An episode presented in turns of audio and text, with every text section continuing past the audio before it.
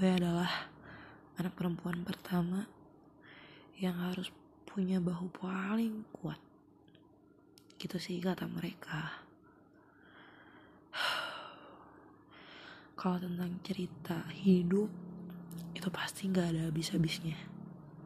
Kita semua punya porsinya masing-masing. Menurut gue, hidup gue paling buruk di antara orang-orang.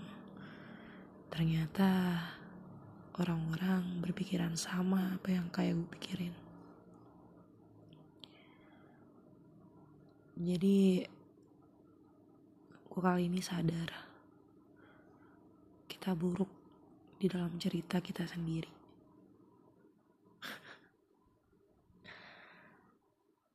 Semangat untuk kalian perempuan. Apalagi kalian yang nasibnya sama kayak gue